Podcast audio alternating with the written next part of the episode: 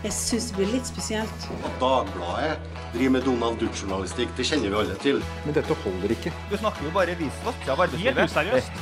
You are fake news. Go ahead. Da skal vi snakke om eh, en hundreåring, eh, og det er Svalbardtraktaten.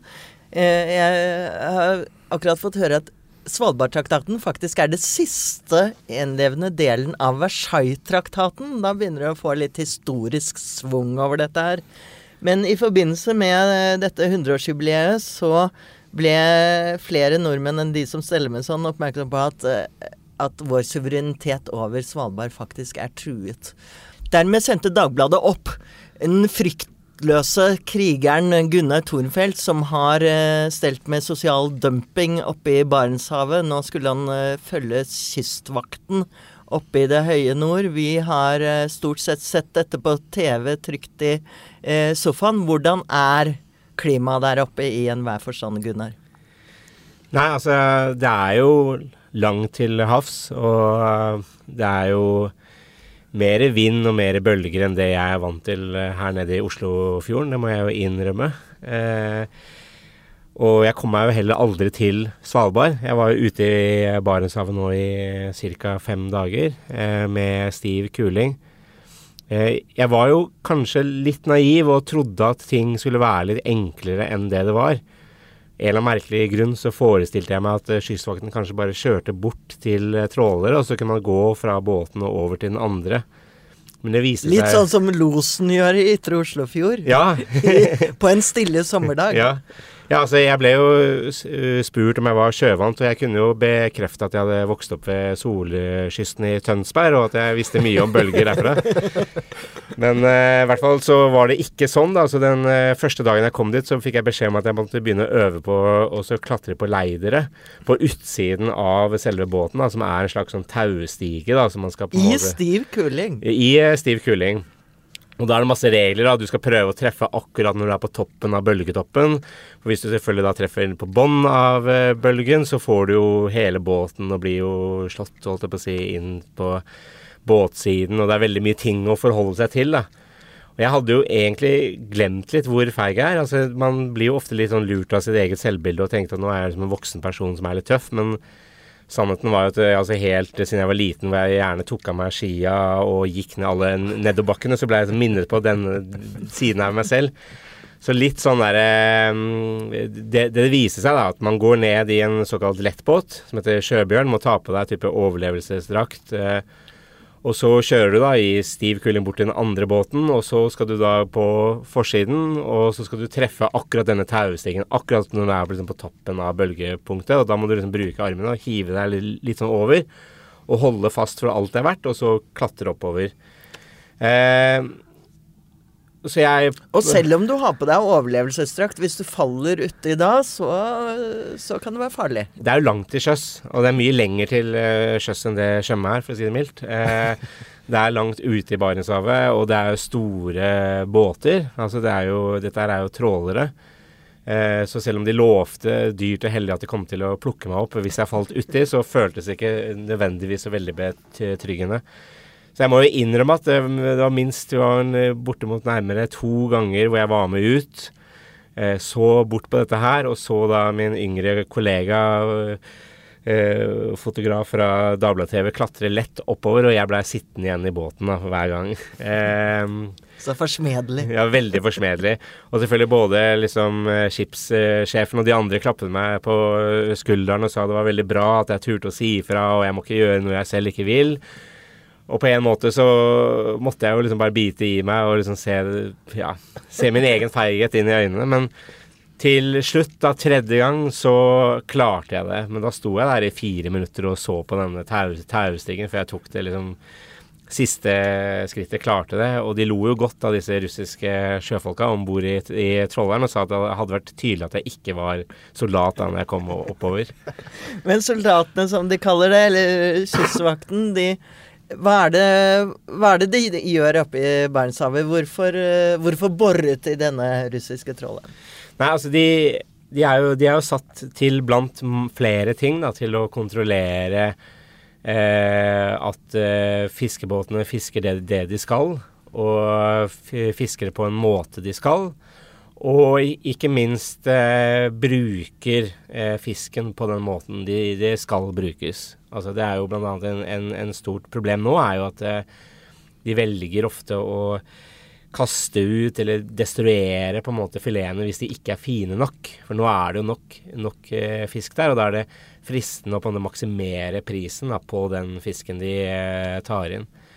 Eh, Men kyssevakten Kystvakten denne gangen fant ingen feil. Det var ikke noe feil i uh, trålen eller på fiskestørrelsen eller noen ting. Men én ting som de ikke kan uh, ha noe med å legge seg borti, og som du uh, har jo skrevet eh, en del om, er forholdene om bord på båten. Ja, og det er jo også en stor eh, frustrasjon hos eh, Kystvakten selv òg. at de, de sier jo til meg det at de ser jo ofte, eller ikke ofte er kanskje litt feil ord å bruke, men altså de, de ser jo ikke sjelden da, at det er på en måte forhold om bord som ikke er greie. De kan merke at det er mennesker som blir dårlig behandla, eller på en måte altså Det har vært saker da hvor, måte, hvor, hvor folk har blitt underbetalt, til og med blitt utsatt for vold. Og hvor på en måte sikkerheten langt ifra har vært god, og da mangler de et mandat til å gripe inn. For det at dette er jo etter per, per definisjon, f.eks., så er en russisk tråler det er jo da russisk grunn, da. Altså Ikke er- sant? For, ja. eh, for oss eh, Hva er det som eh, man kaller landkrabber? Så, så høres det jo rart ut at ikke norske myndigheter kan gripe inn innenfor den norske sonen. Nei, altså det er jo det er jo slik at det er et prinsipp til sjøs at når man jobber om bord i en båt, så følger det, det flaggstatens lovgivning. Og det er jo på en måte et prinsipp som har vært viktig for Norge som stor sjøfartsnasjon i mange, mange år. Slik at man skal unngå at f.eks. så kan en norsk sjømann bli arrestert utenfor Nigeria og da plutselig bli dømt etter ni- nigeriansk lovgivning.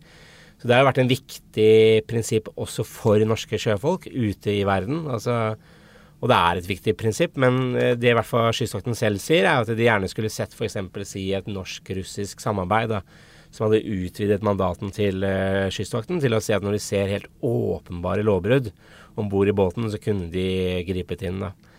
Eh, men, men, men som de sier, det er ingen enkel løsning på det her, da. Men det er i hvert fall en stor frustrasjon for de som bryr seg, og de som jobber ute til eh, sjøs. Fiskerinæringen er jo bare én av mange økonomiske interesser som gjør at, uh, Dag, uh, at Svalbard og Skal vi begynne kanskje å andøpe Svalbard til Dagbladet? Det hadde vært fint. Uh, og Barentshavet er ettertraktet. Og en av grunnene til at det kanskje har oppstått en litt ny situasjon, er jo klimaendringene, Geir Amnefjell.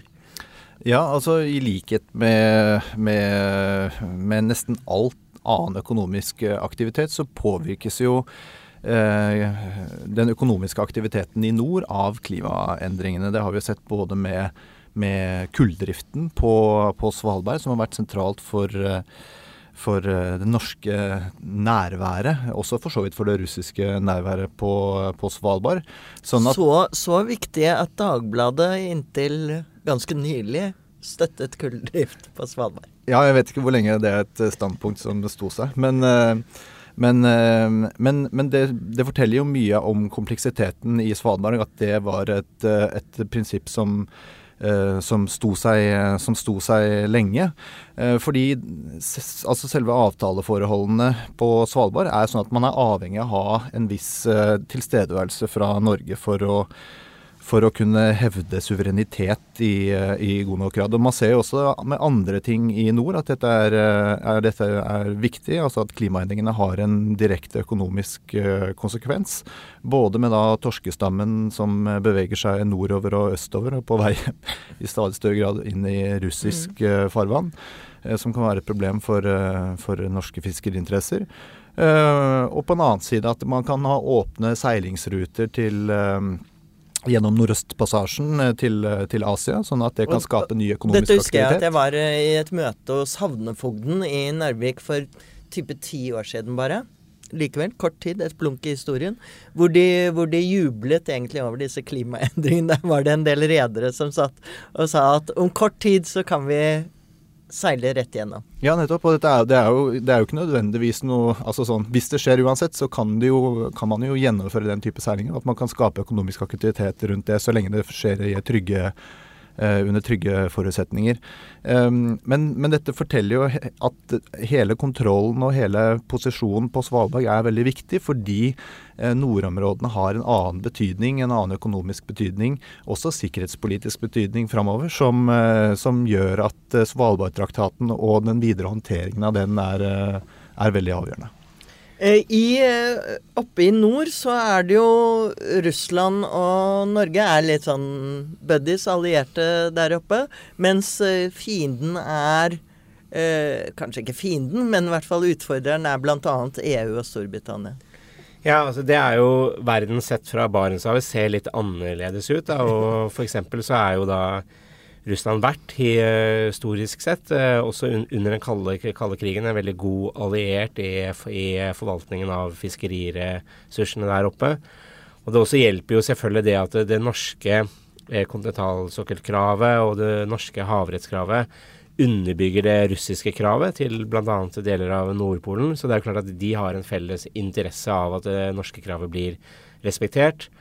Og det er jo klart at også på en måte Norges eh, suverenitet over Svalbard holder også ganske mange andre land utenfor til, til, til, en viss grad. Så de på en måte sånn, sånn sett Til og med rett etter annekteringen av Krim så, så, gikk alle de fiskerifaglige møtene som planlagt. Altså det, er, det, er, det er kanskje det sterkeste samarbeidet vi har med Russland per, per dags dato. Og det jo, blir jo regnet som en av verdens best forvalta eh, fiskebestander, altså torske- og hysebestanden. Og så er det det andre som bare vil nevne i eh, forhold til det Geir sa, det at det, eh, veldig små klimaendringer får veldig store konsekvenser i nord. Altså, der ser man jo all, allerede store endringer, f.eks. altså eh, torske- og hysebestanden som beveger seg da nordøst, altså nærmere Russland og lenger nordover. Makrellbestanden som nå går vestover og opp mot eh, Svalbard.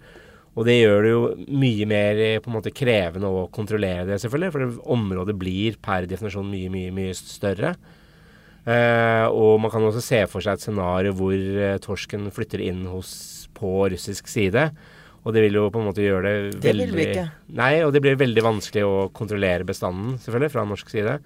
Og det at Nordøstpassasjen åpner seg, og det gir jo mer trafikk, større utfordringer, mer olje og gass. Og det er veldig mange parametere som nå slår inn, som gjør f.eks. si Kystvakten sin kontrolloppgave langt vanskeligere. Da. Og grunnen til at, eh, at nå faktisk er blitt Hold dere fast. Det er blitt uh, en del av brexit-problematikken gjennom at EU har adgang til disse områdene gjennom Storbritannia.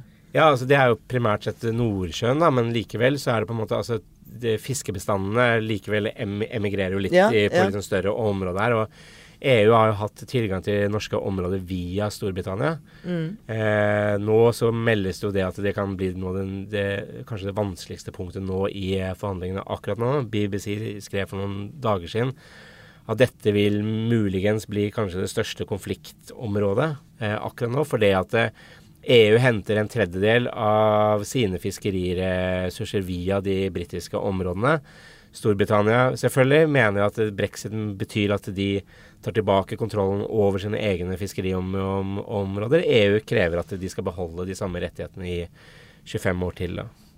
En annen ting som er fascinerende med Svalbard, er når du ser på disse NRK-bildene, så tror du at det er, eh, det er, noen norske fangstfolk og litt sånn rufsete, skjeggete nordmenn som eh, bor der oppe, og noen isbjørn. Eh, men noe av den Svalbardtraktaten er jo nettopp at flere skal ha adgang, og at norske råderetten er litt avhengig av at Norge gir også denne adgangen. Og på eh, Du fortalte meg at det er flere internasjonale byer på Svalbard. Ja, altså det er jo, eh, det er jo både den norske Longyearbyen, de to eh, russiske, altså Barentsburg og Pyramiden. I Pyramiden bor det vel bare sånn tre-fire personer akkurat nå. Og så er det den polske, Hornsund, eh, hvor det bor rundt ti eh, forskere. Og Ny-Ålesund, hvor det bor ca. 50, eh, primært sett også forskere.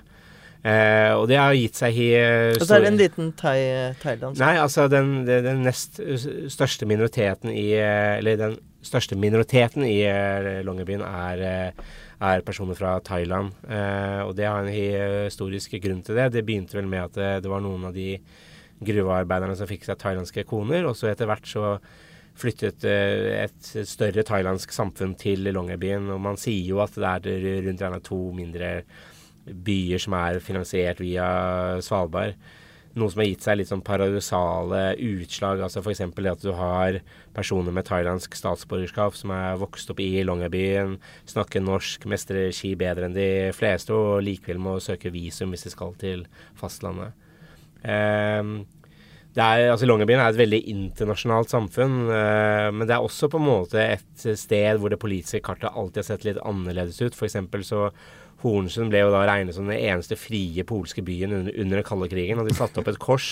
Og det ble en slags eh, liten borgerkrig mellom da det KGB-styrte Barentsburg og det polske frie Hornsund. Og det fins mange sånne morsomme eh, historier der, der oppe. Da. Jeg syns det også er så fint at uh, Gunnar kaller det konsekvent by. Og spør hvor mange bor der. Jo, ti stykker. Eller tre, var det ikke det? Jeg møtte jo, eh, jeg møtte jo en, en gang en meteorolog fra, fra Hopen, som er en ganske lang, avlang øy som ligger langt ute i Barentshavet. Og der fortalte hun meg at, at det fantes da to lokalaviser, og der bor det altså da to personer Nei, fire personer. så, så to lokalaviser på fire personer. Ok, hvis det går dårlig med Dagbladet, får vi dra opp dit. Men uh, Geir, altså Jonas Gahr Støre snakker jo alltid om nordområdene, har gjort, eh, gjort det lenge, og yndrer også å sitere eh, Rolf Jacobsen, som jo hadde den berømte diktet-verstrofen som er eh, 'Det meste er nord'. Eh, men har vi, har vi kontroll? Nei, altså- du at den eh, norske Er, det, er, er nordområdepolitikken noe som eh, Norge tar på alvor og, og jobber bra med? Vi har jo hatt tradisjon for å jobbe veldig godt med nordområdepolitikken. Og Jonas Gahr Støre sørget for en ny æra eh, på, på det området. Og de sørget for å få til delelinjen i, i Barentshavet. Eh, og dette er jo et uh, område som, eh, som Gunnar påpeker, som det historisk sett har vært veldig god forbindelse mellom Norge, Norge og Russland, og som Russland og Norge begge har interesser av å videreføre. Eh, samtidig så har jo spenningen, den internasjonale spenningen nå eh, den økende spenningen mellom eh, Russland og, og omverdenen, også Norge, satt eh, dette forholdet på spissen og på, på en eh, alvorlig prøve. Og så har du da, ikke sant, annekteringen av Krim, så tenker man at det var jo en det var jo en ledende russisk politiker som også da reiste til Svalbard, selv om han ikke hadde lov til å være der. ikke sant? Så man har jo en frykt for en slags sånn uønsket russisk provokasjon eller tilstedeværelse på, på Svalbard som, som utfordrer eh, den balansen som, eh, som er, der, eh, er der i dag. Og da ikke sant, med at kulldriften eh, forsvinner fra Svalbard, man forsøker å etablere annen virksomhet der som er vanskelig å få til, eh, så har jo så står jo hele dette eh, komplekset i, eh, i spill, eh, og er på ingen måte avklart. og er, Derfor var det veldig gøy å, å eh, høre om alle turene som Gunnar gjorde, og veldig gøy å høre om, om Taustigen, ikke minst. Det er, eh, det er kjempespennende stoff, og Gunnar er en av de i norsk presse som eh, skriver, eh, har skrevet mye og, og best om dette her. Og jeg kan love de som går inn på Facebook-sidene våre, så skal vi legge ut Gunnars kommentarer og reportasjer. Og jeg kan love dere også bilde av Gunnar i overlevelsesdrakt. Video av eh, forsøket nå kommer jo ut. Nettopp. Så, så her er det mye spennende multimedialt av Gunnar i Barentshavet.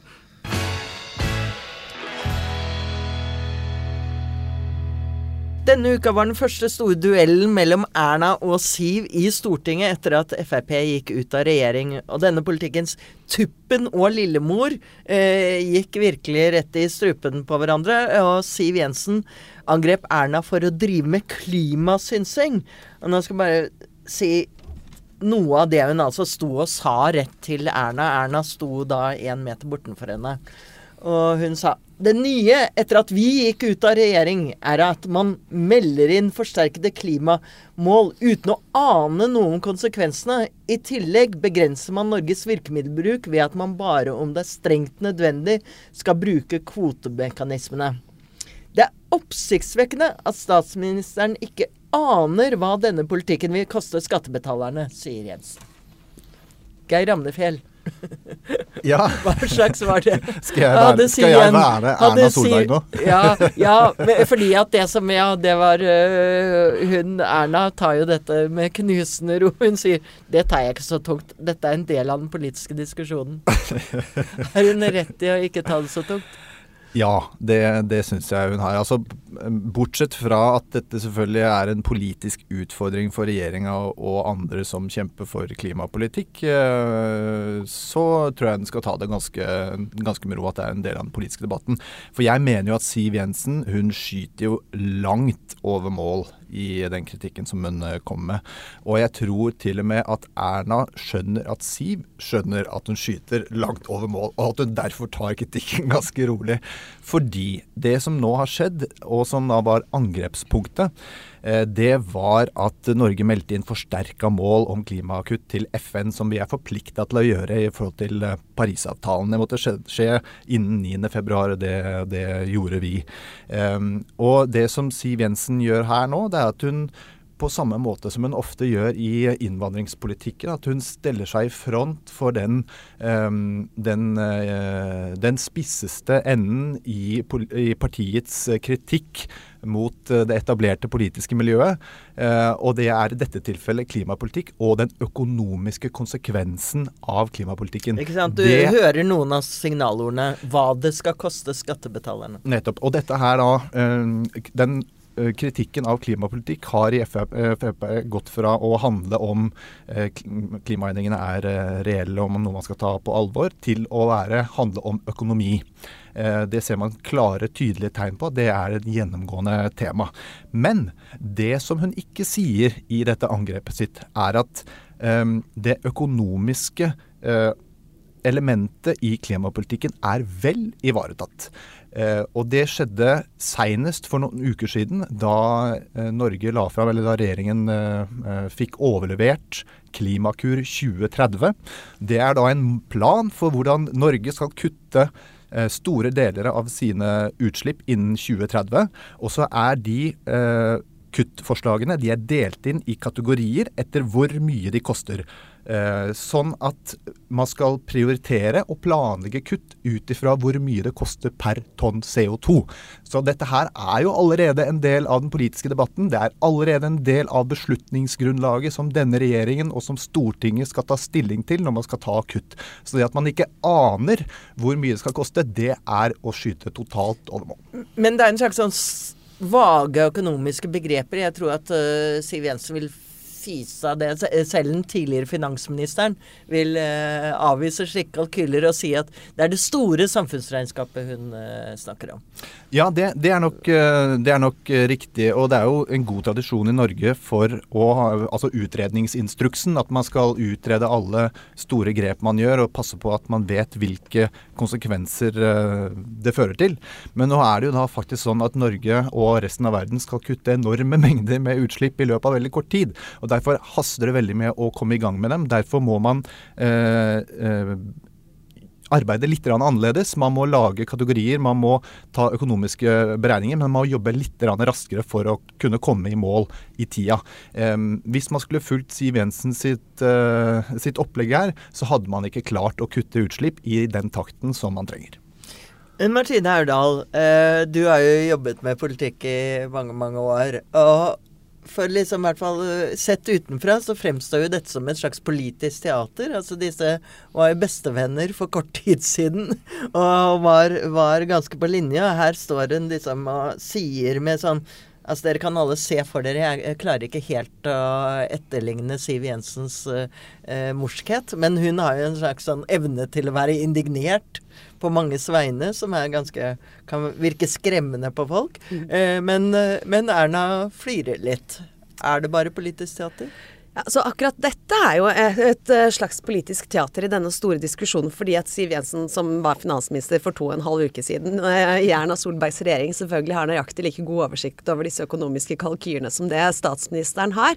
Men det er en god eh, profileringssak for begge to, som er blitt enklere eh, i den politiske debatten etter at Frp gikk ut av regjering. Det er lettere for eh, Erna Solbergs regjering å gå i, i, i, front i, i debatten for å kutte klimaet Eh,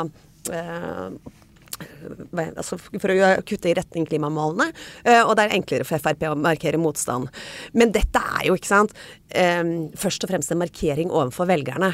Men så er jo de perlevenner likevel. ikke sant? De vet nøyaktig hvor de har hverandre. De vet hvor de, Men, hvordan de skal plassere seg. Og så er det ikke på dette overordna nivået konflikten ligger. Det er jo nettopp når man kommer ned på de enkelte tiltakene det smerter. Og der er jo motsetningene mye større. Og da kan jo temperaturen også i stortingssalen bli til tider veldig høy, selv riktig, om de kan riktig, sitte i kantina etterpå. Riktig godt poeng. Eh, men, men, jeg tenker jo nett, eh, Det er nok riktig som du sier, at det er innforstått mellom de at de vet hvor de skal angripe hverandre, og at de angrepene kommer. Mm. Eh, men jeg mistenker jo nesten at de har snakket om dette også. At uh, ja ja, nå kommer det til å skje det og det.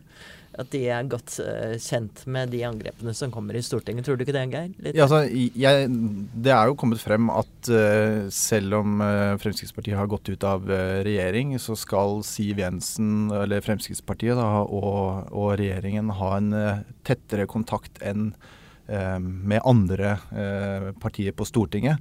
Så de, har en slags sånn special relationship med Fremskrittspartiet fordi de skal inngå selvfølgelig budsjettsamarbeid, og, og at de ser liksom et eh, lengre strategisk, et lengre strategisk bilde. At Fremskrittspartiet og Høyre vil være tjent med å samarbeide fremover. Helt enig. Dette har de garantert snakket mye om før Frp gikk ut av regjering, siden Erna Solberg fortsetter å regjere på den plattformen som Siv Jensen har vært med på å skrive. Og dermed så blir det sånn, men, men, men Erna Solberg må jo passe litt på at den ikke blir en sånn uh, skyteskive som bare tar imot kritikk fra, fra, Fremskrittspartiet. Fordi Erna Solberg og Høyre sliter jo med oppslutningen eh, på meningsmålingene, mens Fremskrittspartiet får vokse seg store, store på dette. Og det er også en fare for at de mister kontroll over den politiske debatten rundt klimapolitikk, hvis de ikke svarer opp dette på en sterk nok, uh, sterk nok måte. Definitivt. Og som vi har snakket før med denne poden, så er det ikke sånn at uh, Frp nå sitter i, i Stortinget og kan liksom manøvrere som de vil og få det som de vil. De er også avhengig av et godt forhold til Høyre, som faktisk flere Frp-politikere har vært ute og, og minnet om. Men eh, Martine, det, det, er jo ganger hvor, eh, hvor indignasjonen er oppriktig, og også harmen. Er det det er ikke bare fryd og gammen alltid på Stortinget? Nei, altså uh, heldigvis, vil jeg si, så er, blir jo folk politikere fordi at de faktisk brenner for politikk. Uh, og uh, klimapolitikk og innvandringspolitikk og en del andre Eh, eh, saker som er utløsende for hvorfor folk velger de ulike partiene, de er også godt egnet til å få opp temperaturen eh, i stortings, stortingsdebatten. Og det ser vi jo gjentatte eksempler på. Det mest eklatante under denne regjeringen har jo selvfølgelig vært debatten som førte til at Sylvi Listhaug måtte gå av som justisminister. Fordi det hun sa den gangen, eller la ut på Facebook i dette menige der hun anklaget Arbeiderpartiet for å sette terroristers rettigheter over, for, over nasjonens sikkerhet, det var jo direkte sårende eh, for eh, Arbeiderpartiet sin eh, politikere og alle de som selvfølgelig var direkte og indirekte berørt av terroren 22.07.2011. Og da vekkes jo så sterke følelser, eh, som er altså så sterkt knyttet til eh, så hvorfor folk driver med politikk, ja, det skaper faktisk sår. Men de, Men de sakene er jo unntakene. De aller fleste debattene så er de såpass eh, avklart med hvor de ulike posisjonene står, at selv om engasjementet blir stort, så setter de seg gjerne ned med en øl sammen etterpå. Jeg tror også at det har dette med at, eh, at det går en grense ved å være ufin på den måten som uh, Sylvi Listhaug ble oppfattet som da, mm. og uredelig. Eh, da er det liksom at man kan godt komme med harde angrep, som jo for så vidt Siv Jensen gjorde her. Hun mm. påsto jo at statsministeren ikke visste hva hun drev med, og drev med klimasynsing. Mm. Eh, så, så det er jo Men det er innafor når det gjelder politisk polemikk. Ja, det vil jeg si. Og, og, dessuten så er jo hele dekningen av det som foregår på Stortinget, det politiske spillet, eh, viktig nettopp for å kunne skille mellom det som er en slags teater, sånn som vi nå har vel eh, påstått at eh, den, dette oppgjøret mellom Siv og Erna er, og det som eh, handlet om Listhaug forrige gang. At det er stor forskjell på det. Og det er også viktig at den, at den politiske debatten tar opp i seg de elementene og, og, og forsøker å dekode debatten i Stortinget, sånn at den handler, blir litt mer forståelig for, eh, for, folk flest. Fordi disse manøverne og disse posisjoner, denne posisjoneringen som de politikerne driver med, den er ikke nødvendigvis eh, opp i dagen for alle som følger politikk. Nei, og så er det selvfølgelig også viktig at partiene eh, synliggjør hva de mener, da. Og, og, både Erna Solberg og Siv Jensen oppnår jo her å tydeliggjøre sitt eh, ståsted i den overordna debatten om eh, hvilken vei Norge skal gå, hvor eh, hvor hardt vi skal gå foran i klimapolitikken. Og det er jo selvfølgelig en misjon i seg selv. Høyre har kanskje ikke noe imot at Siv Jensen antyder at de er progressive i klimapolitikken? Nei, jeg tror vel ikke det. Det er lenge siden noen gjorde, så jeg tenker de kanskje syns det er kjærkomment. Så, så, dette er out av spill. Det blir i hvert fall spennende utover denne våren eh, i stortingssalen fremover. Takk for at du hørte på Siste med Marie Simonsen. Eh, ha en riktig god helg, og gå inn på vår Facebook-side og se Gunnar i overlevelsesdrakt.